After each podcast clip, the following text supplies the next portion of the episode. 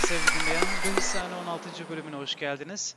Ben ve yayın ortağım Nihat sizleri bir kez daha cani gönülden selamlıyor. Merhabalar hocam, hoş geldin. Umarım keyifler yerindedir.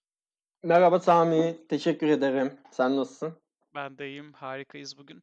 Eee, yorucu bir gün oldu hepimiz için de, yorucu bir haftaydı. Bugün de seninle birlikte saat 2'de Merkez Bankası kararını dinledikten sonra oldukça yoğun tempoyla programımızı sevgili dinleyicilerimize hazır hale getirmeye çalıştık. Kendileri de dinliyor olacaklar. Onlar da hoş gelmişler, sefa gelmişler. Dilersen ben kısaca bir özet geçeyim arkadaşlara. Arkadaşlar bugün bildiğimiz gibi siz bu programı dinliyor olacaksınız tabii bir gün sonra ama bugün e, saat 2'de Merkez Bankası toplantısı sonucu 475 baz puan arttırımı gerçekleşerek faiz %15'e çıkmış oldu. Beklentilerin az da olsa üzerinde kontrollü ve reel bir e, arttırım olarak değerlendi çoğu yorumcu tarafından. Hatırlarsak 14. bölümümüz yani iki bölüm öncesinde e, Türkiye Cumhuriyeti Merkez Bankası bildiğimiz gibi e, başlıkla bir yayın yapmıştık. Ve tam olarak da kendini tekrar edici kararlar alan yani yeni diye sunulan hiçbir paketin o kadar da yeni olmadığını açıklayıcı eleştirel bir e, program gerçekleştirmiştik. Ve bu programımızı yaptığımız esnada da e, halen Ekonomi Bakanı Berat Albayrak koltuğunun başındaydı ve ABD seçimleri de kesinen bir sonuca e, oturtulmamıştı henüz. Şimdi bugünkü programımız neden önemli? Şu açıdan önemli. Biz bir toplama konuşması yapacağız. Bu iki haftada neler oldu ama kısaca gireceğiz onlara. Çok ağırlık vermeyeceğiz. Ee, odak noktamız, ağırlık noktamız bugünkü kararların etkileri, kararların yönlerini değerlendiriyor olacağız Nihat Hocam'la. Ben küçükçe başlıkları sıralayacağım konumuz dağılmadan. Burada bizim dört konumuz var. Kısa bir şekilde Amerikan seçimleri sonucunda Trump kaybı sonrası tahmin edilen öngörülen Türkiye'deki ekonomi düşmesi tam tersi olarak Biden kazanmasıyla paralel olarak Türkiye ekonomisinde hızlı bir şekilde 48 saat içerisinde Berat Albayrak'ın istifasıyla da %10'luk gerileme olduğu dolar Türk lirası kurunda ya da Türk lirası %10 değer kazandı da diyebiliriz ki ben bu bağlamı bugünkü Merkez Bankası toplantılarındaki alınmış kararlarla da biraz bağdaştıracağım programın sonunda. İkinci konumuz sadece bakan istifası olmadı bildiğimiz gibi Merkez Bankası Başkanı görevden alınarak yerine yeni bir Merkez Bankası Başkanı geldi. Keza bir önceki başkan da bir önceki görevinden alınarak yerine getirilmişti. Oldukça riskli ve kendi isteğinizle gelip kendi isteğinizle gidemeyeceğiniz bir pozisyon olduğunu ülke olarak tekrardan görmüş ve anlamış olduk bu pozisyonun. Burada tüm bu unsurlar yaşanırken döviz Türk lirası kurunda yatay bir geçen haftaya şahit olduk geçtiğimiz hafta. E, ta ki bugüne kadar eksi yüzde bir artı yüzde bir e, arasında gidip geldi. E, takip ettiğim kadarıyla yanlışım varsa hocam beni düzeltir. Ve bu süre zarfında bildiğimiz gibi dünyanın üç köşesinden umut verici bir aşı haberi geldi. Petrol fiyatları, uçak fiyatları buna bağlı olarak döviz fiyatlarında da bir hareketlilik oldu. Yüzde on beş civarında bir e, kısa süreli bir e, hareketliliğe neden oldu. Son olarak bugün bir toplantı oldu. Asıl programımızın %70'ine %80 ağırlık odağı bugünkü toplantıya yönelik olacak ve %3'ten daha fazla bir gerileme oldu değil mi hocam bugünkü karardan sonra? %3'e yakın. %3'e yakın oldu.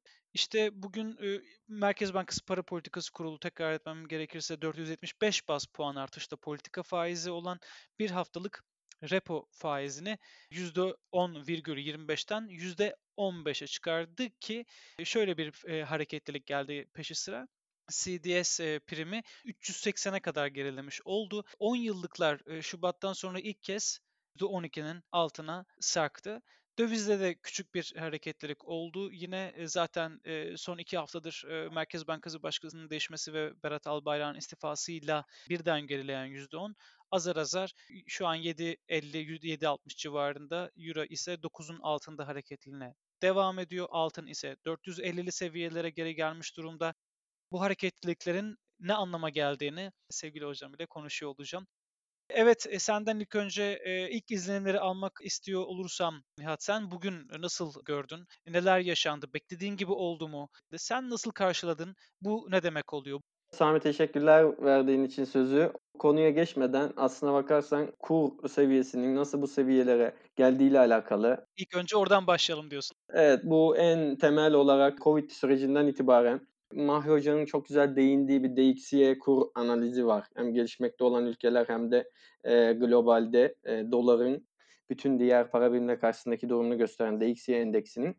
Mart ayında 103'lere kadar yükselip yılbaşında 96 ile başlayan bir sürecin daha sonrasında bugünlere geldiğimizde 93'ün altına kadar sarktığını görüyoruz. Şimdi bu bize doların düşüş eğiliminde globalde olduğunu söylüyor. Ve bu olay e, dolar hareketinin TL üzerinde değer kaybettirici bir etkisinin olmaması gerektiğini bize söylüyor. İkinci olarak Covid-19 salgını dolayısıyla büyük kayıplar karşılayan gelişmekte olan ülke paraları endeksinde de toparlanarak Haziran ayından bugüne kadar yükselen bir için, eğilim içinde olduğunu görüyoruz grafiklerde. E, gelişmekte olan ülkeler içerisinde Türkiye'de olduğuna göre burada da bizim bir değer kazanmamız gerekiyordu. Fakat niye biz sene başından bugüne %50'ye yakın bir kurda e, kayıp yaşadık diye sorduğumuz zaman açık bir şekilde hem TL'nin gelişmekte olan para ülkeler endeksinde en gerilerde değer kaybeden bir para birimi hem de doların bu kur değişimine bir etkisinin olmadığını şu iki tane söylediğimiz örnekte karşılıyoruz. Soru şu. Dolar diğer paralara karşı değer kaybederken TL niçin dolara karşı değer kaybetti? Cevap çok basit. Türkiye yanlış para politikası uyguladı. Faizin enflasyonun sonucu değil de nedeni olduğu safsatasını esiri olan bir para politikası işlevsiz kaldığı için TL'de de bu kayıp e, oluştu diyor ekonomistler. Ve ben de katılıyorum buna. E, işte bu olumsuzluklara sebep olan halef başkanlar ve ekonomiye yetemeyen ebedi reisimiz bizi bu sürece nasıl getirmişti? Şimdi buna bakalım. İstifalar ve atamalar sürecimiz var değil mi? Çok kısa zamanda oluşan. Evet. Fakat bunun öncesine gidersek bir cumhurbaşkanlığı hükümet sistemi var. Burada biz neyi gördük? Giderek zayıflamış ortak aklın ve güçlenen tek adamlığın temelinin atıldığını gördük. Bu katıksız bir şekilde ispatlandı verilen kararlarla. Hiçbir şekilde tartışılamayan liyakat nepotizmle beraber elde patladığını görüyoruz. Ödemeler dengesinde büyük bir açığın göründüğü günlerde, pandeminin patladığı zamanlar sadece turizm gelirlerine ayrılması gereken 25 milyar dolarlık bir açık aşikar iken negatif reel faizli ortamda kamu bankaları eliyle devasa bir TL kredi patlaması yapıldı. Ve e, sonucu dolarizasyon ile döviz rezerv kaybı olduğu gün itibariyle e, ayan beyan ortada. 2019 başında Merkez Bankası'nın döviz rezervi 100 milyar dolar iken brüt nette 50 milyar dolar. 2020 sonuna yaklaşırken bir önceki programda da bahsettik hatırlarsan 79 milyar dolar brütte 50 milyar dolar da nette döviz açığı olan bir tablo var. Ne demek istiyoruz? 100 milyar dolar içerideyiz bir yıl içerisinde. Kulis muhabbetlerine göre Çokomelli Bakanımız yumuşak azil ile yol verilen bir durumda kaldı. Cumhurbaşkanlığı tarafından bir şekilde daha önceki istifalarda ve atamalarda olduğu gibi bir devir teslim töreni yapılmadan neredeyse hiç yaşanmamış, bilinmemiş gibi bir ortama konularak pırlını pırtını toplayıp gitmiş olduğunu gördük. Bir yığın danışmanlar kadrosundan bir kişi de Sayın Erdoğan'a konuyla ilgili herhangi bir döviz kayıplarının, rezervlerin eridiğine dair bir uyarı yapmamış ya da yapamamıştı. Fakat sonrasında bu süreçlerde Erdoğan gerekli düğmelere bastı. Biraz önce bahsettiğimiz tek adam rejimiyle yaptığı gibi belki de ilk kez olumlu bir gelişmeye sebebiyet verdi ve teknokratların oluşturduğu bir ekonomi yöntemiyle hukuka dönüş vaadi verdi. Ve bunu dedikten sonra zaten kırılma başladı. Evet, şimdi ben burada hemen konumuzu biraz daha çeşitlendirelim, konumuzu daha da zenginleştirelim anlamında. Bugün ve özellikle son bir haftada Cumhurbaşkanı'nın da yapmış olduğu açıklamalar bende şunu canlandırıyor. Sanki şimdiye kadar e, hani her şeyin en iyisini biz biliriz e, yaklaşımından ziyade yavaş yavaş artık şunun farkına varılmış gibi geliyor. Bizde çok önemli uzman ekonomistler var. Çok önemli analizler yapan finans uzmanlarımız var.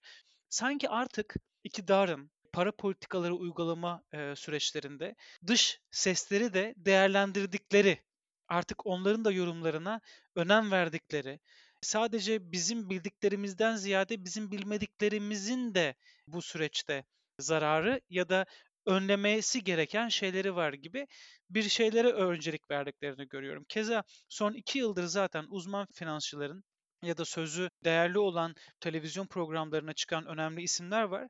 E, bas bas bağırdıkları e, cümleler de değil mi bunlar? Yani sadece faiz arttırımıyla enflasyonla başa çıkılmaz.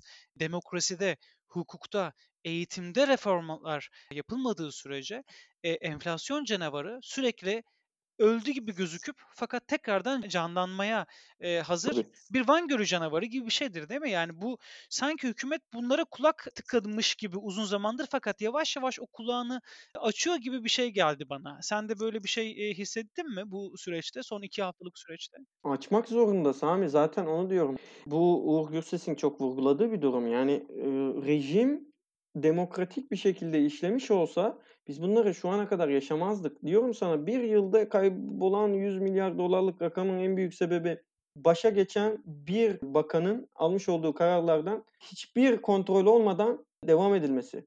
Ben inanıyorum Erdoğan açıkçası bu kararların belki de başlangıç seviyesinden sonrasını takip etmemiş bile olabilir. Çünkü yani her şeye hâkim olamazsın. Kesinlikle. Böyle bir, süreçte değiliz yani. Çoğulcu özellikle öz içinde bulunduğumuz süreçlerde, bu gibi süreçlerde zaten çoğulcu katılımcıya, çoğulcu bir görüşe, dış görüşe sürekli bir ihtiyaç var. Eee, lisede de mantık derslerinde de vardır bu. Çözüme giden yolda tek bir çözüm yoktur. Birden fazla çözüm vardır. Hatta bazen çözümler birbiriyle de ilişkilidir. Aslında bugün bu içinde yaşadığımız, eee, sorun, eee, mantıksal bir sorun da, matematiksel bir sorun olduğu kadarıyla, değil mi? Daha fazla bence de. Kesinlikle akıl tutulması var çünkü. Bunun dili, dini, ırkı yok. Yani bu 2, 2 daha 4 eder. Bu bunun gibi net bir şeydir. Bir ikincisi bir de, şöyle bir şey oldu bugün. Birçok katılımcı değerli yorumlarda bulundu. Faiz arttırımı neye iyi gelir? Hani kısa süreli bir soruna mı çözüm olur yoksa uzun dönemde de kârlarını görür müyüz? Negatif reel faiz sorunsalının aslında bugün bir kez daha önemini gördük, değil mi? Hani bu negatif reel faiz Tabii. sorunsalının da konuşulması gerektiğini, faizi Çok güzel. arttırdığımızda ekonomiyi stabil hâle getirmeye yönelik çalışmalar yapılmıyor. Sadece kısa süreli, heybetli bir çıkış daha görüyoruz. Hani orta vadede yine bulutlu günler bizi bekliyor olacaktır. Uzunu da geçtik hani artık. Çünkü bu aslında sorun. Yatırımcı hafızası denilen bir şey var. Bugün yatırımcının o geçmişteki yani kısa geçmişteki hafızasını, olumsuz hafızasını ortadan kaldırmak için önemli hamleler atıldı mı? Bu da oldukça hassas bir konu. Ne demek istiyorum burada yatırımcı hafızası? Şunu demek istiyorum. Bugün doları en çok bozduran, seçimlerden sonra özellikle Amerikan seçimlerinden sonra Türk lirasına likiditeyi kazandıran yabancı yatırımcının doları. Yerel yatırımcı yani Türkiye'deki lokal yatırımcı hâlen dolarını tutuyor. Hâlen dolarını bozdurmuyor çünkü Doğru. güvenmiyor. Bu sorunsal ile 2'nci aşamada Merkez Bankası'nın ve iktidarın yakından ilgileniyor olması lazım. Çünkü şöyle bir durum söz konusu ve bu bir mit değil. Dolar ve euro çıktığı yeri unutmaz. Bu her zaman deneyimlenmiş ve her zaman değil mi hocam? Çok net, Bu bravo. konularda yani çıktığı yeri unutmaz. Yani bugün gelir, yarın gelmez, eee, bir dahaki ay gelmez ama 3 ay sonra muhakkak gelir. Bu yatırımcı hafızasının Boşluk var ya benim boşluk Tabii hafızası. senin boşluk gibidir hocam. Ha, ama, eee, şunu da demiyorum hani 6 ay sonra gelmez, 1 sene gelir. Çünkü bu oraya açmış olduğu bir delik anlamına geliyor. 2'nci anlamda hani biz %10'luk bir düşüş aldık ya, bence bunun 2'nci %10'luk düşüşü, bir ikincisi bir de bildiğimiz gibi yani şu an tekrardan bir sınırlamalar geldi. Türkiye'deki restoranlar, esnaflara tamamen satış yasaklandı ve sadece take away yani gel al, eee, üzerine bir kuruluş oldu. Şimdi yerel yatırımcıyı cesaretlendirmediğin sürece, onların güvenini almadığın sürece benim açımdan da Türkiye'deki yatırımcının, küçük yatırımcının, orta yatırımcının dövizini bozup Türk liraya geçirmesi bana da çok reel gelmiyor. Keza bu, yabancı yatırımcının Türk lirasına düşürmesi yönündeki gücünü de görmüş olduk. Bunun yanı sıra para politikasının yanında da hocam bir maliye politikası da gerekmiyor mu? Yani sadece para politikası değil. Hani kitlesel bir maliye politikası, esnafsal bir, eee, politika, kurumsal bir politika, yerli yatırımcıyı teşvik edici bir politika da gerekmiyor mu? Vardı ki. Şimdiye kadar, eee, bu en son rejime kadar hem Babacan dönemi hem, eee, Mehmet Şimşek dönemi hem Naci Ağbal dönemi gibi dönemlerde maliye politikamız çok iyiydi. Bizim maliye politikamız, bütçe açığımız dünyadaki 1 numaralı gösterilen bir durumdaydı. Evet, yani şimdi bugün mesela benim de tekrardan raporları izlediğimde karşıma çıkan şeyler bizim 2 hafta önce bu, bir kritik programımız vardı. Her saniyesinde sen de hatırlarsın keyifle işlemiştik ama aynı zamanda tansiyonumuz da yüksekti.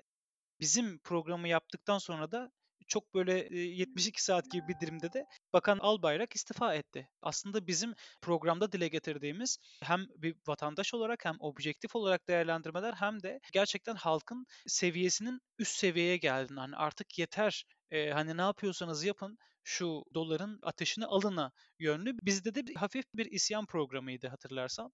Bugün Merkez Bankası kararlarını gördüğümde sanki ilk başta da demiş olduğumuz gibi daha sade, daha öngörülebilir, işte beklenti yönetimlerinde etkinliği de dahil ederek, beklentileri de ayarlama yönünde sanki daha böyle ayakları yere basan bir Merkez Bankası toplantısı oldu. Ha tabii bunun devamlılığını göreceğiz. Hani nasıl devam edecek? Yani sadece bugüne özgü bir şey mi? Fakat sanki belirli bir dönem ustalığını kaybetmiş, tekrardan çırak görünümlüğüne gelen bir Merkez Bankası toplantısından bugün tekrardan olgun bir konuşmaların gerçekleştiği, ayakları yere basan bir rapor çıktı. Yani bu raporun bugün çıkması neye alametti?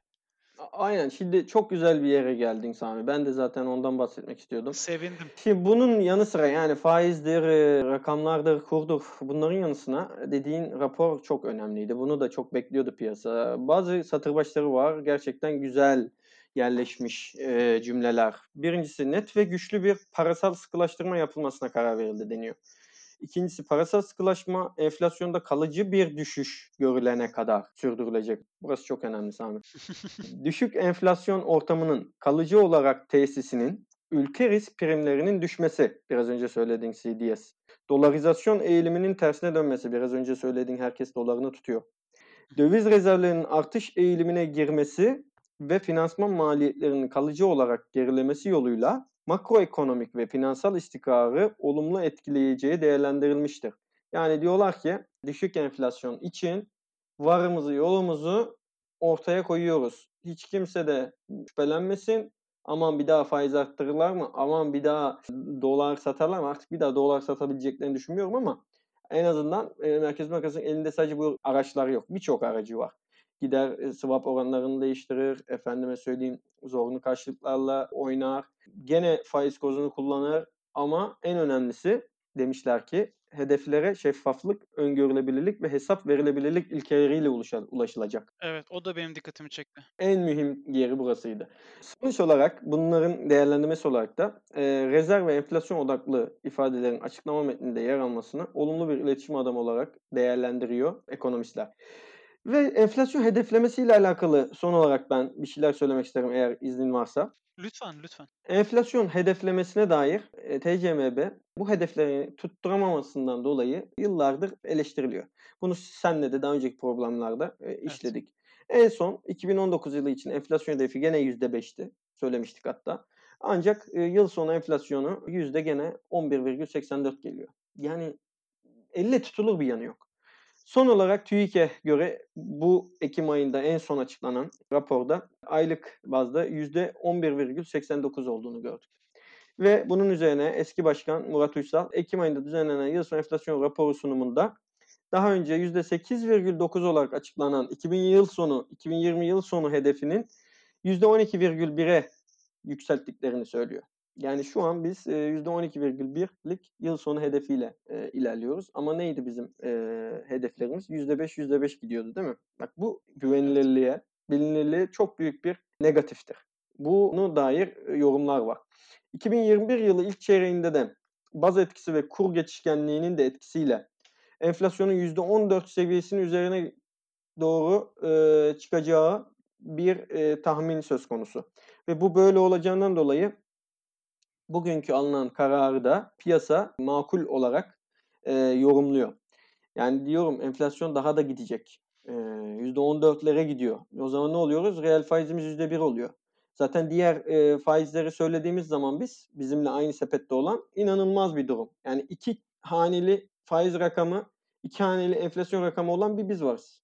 Başka bir ülke yok. Arjantin'le Venezuela'yı geçer. Kendi kıstasımızda e, diyelim gelişmekte olan ülke kıstasında diyelim. Evet. Evet, gelişmekte olan kıstas ülkede, doğru diyorsun. Ve enflasyon hedeflemesi politikasında çok net bir şekilde bu söylediklerimizden sonra ciddi bir revizyona ihtiyaç duyulduğu söyleniyor.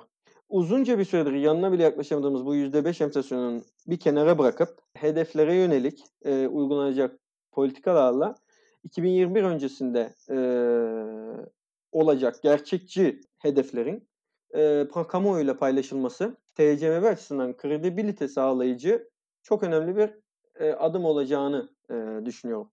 E, ve ben e, bitirmeden önce sözümü e, bu faiz e, artırımının e, daha önceden fiyatlandığını gördük. %10'luk e, düşüşe vesile olan senin de söylediğin gibi iki istifa ile beraber onların gitmesi dahi e, buna vesile olmuşken üzerine yapılan bir de olması gereken e, zaten buna şu an e, faiz arttırımı demeye de gerek yok.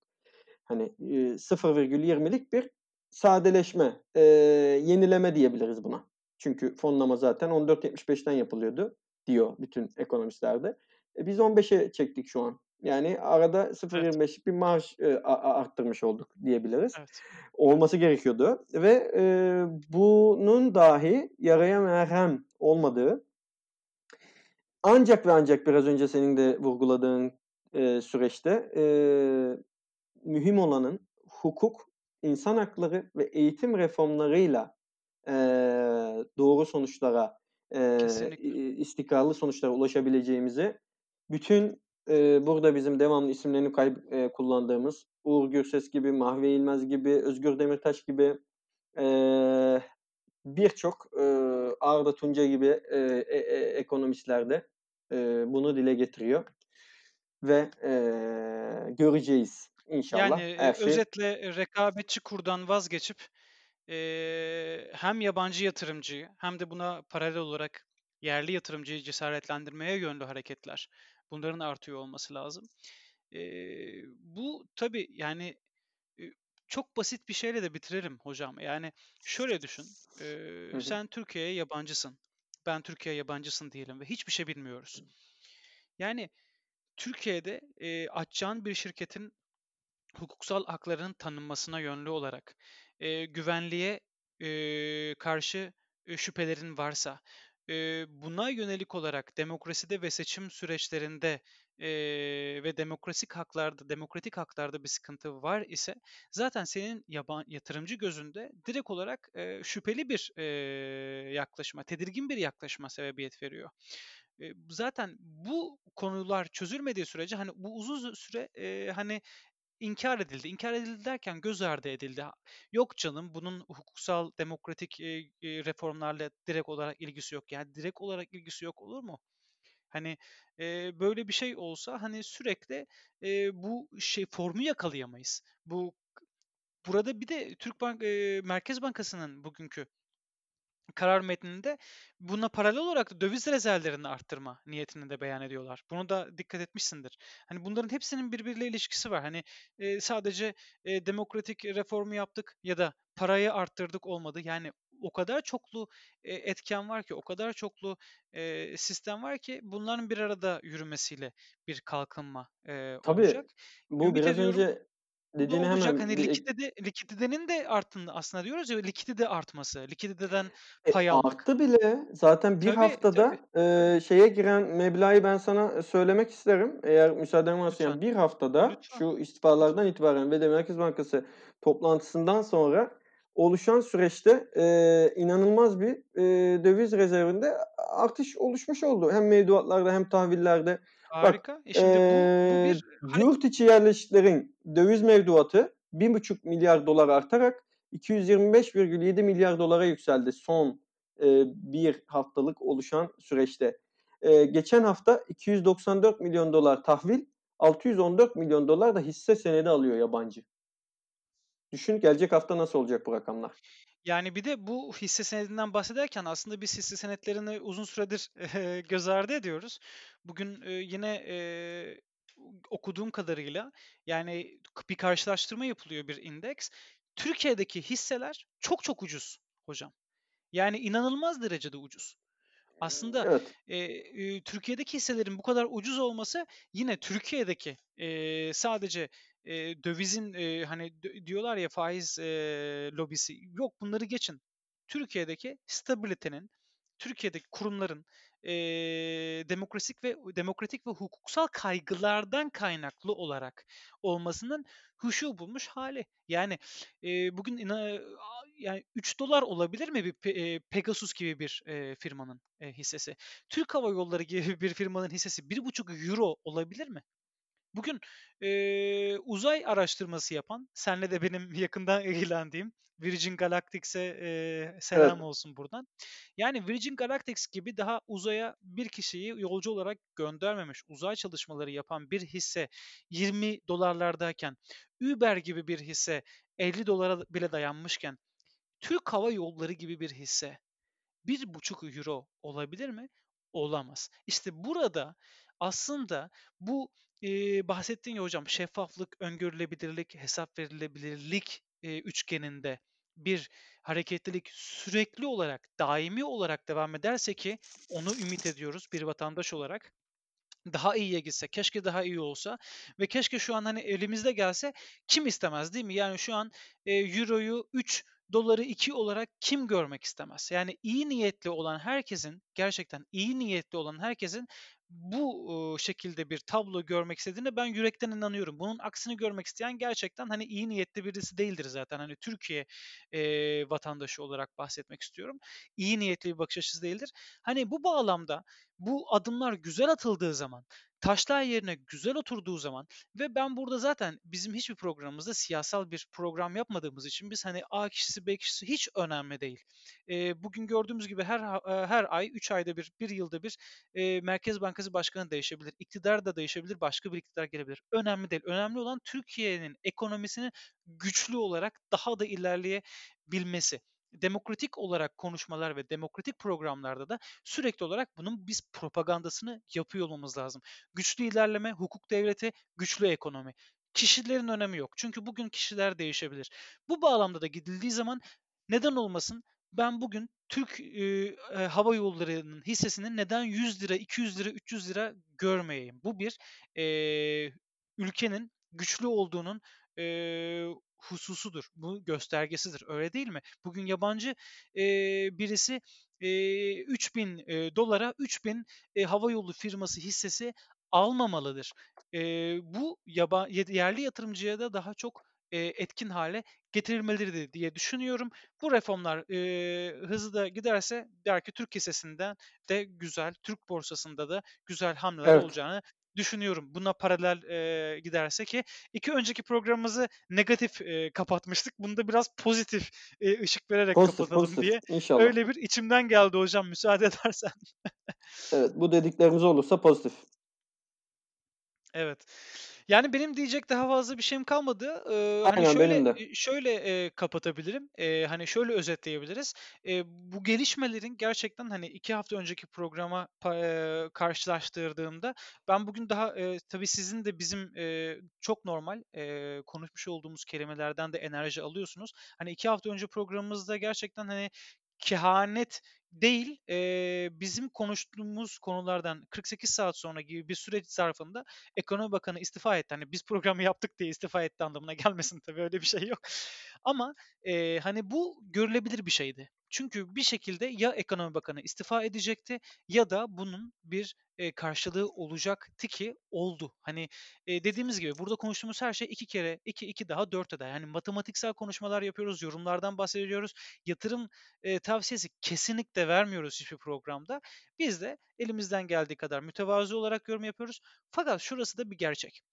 2 hafta önceki programda yapmış olduğumuz negatiflik şu an yok. Şu an inanmak istiyoruz hocamla birlikte. Biz de şu an, eee, konuşulanların bugün Merkez Bankası tarafından alınmış olan kararların daha olgunlukla, inançlılıkla yerine getirilmesi ve daha, s gerçekten sözde kalınan değil de, eee, pratikte de uygulanılabilen bir sürdürülebilirlik çerçevesinde olmasını diliyoruz.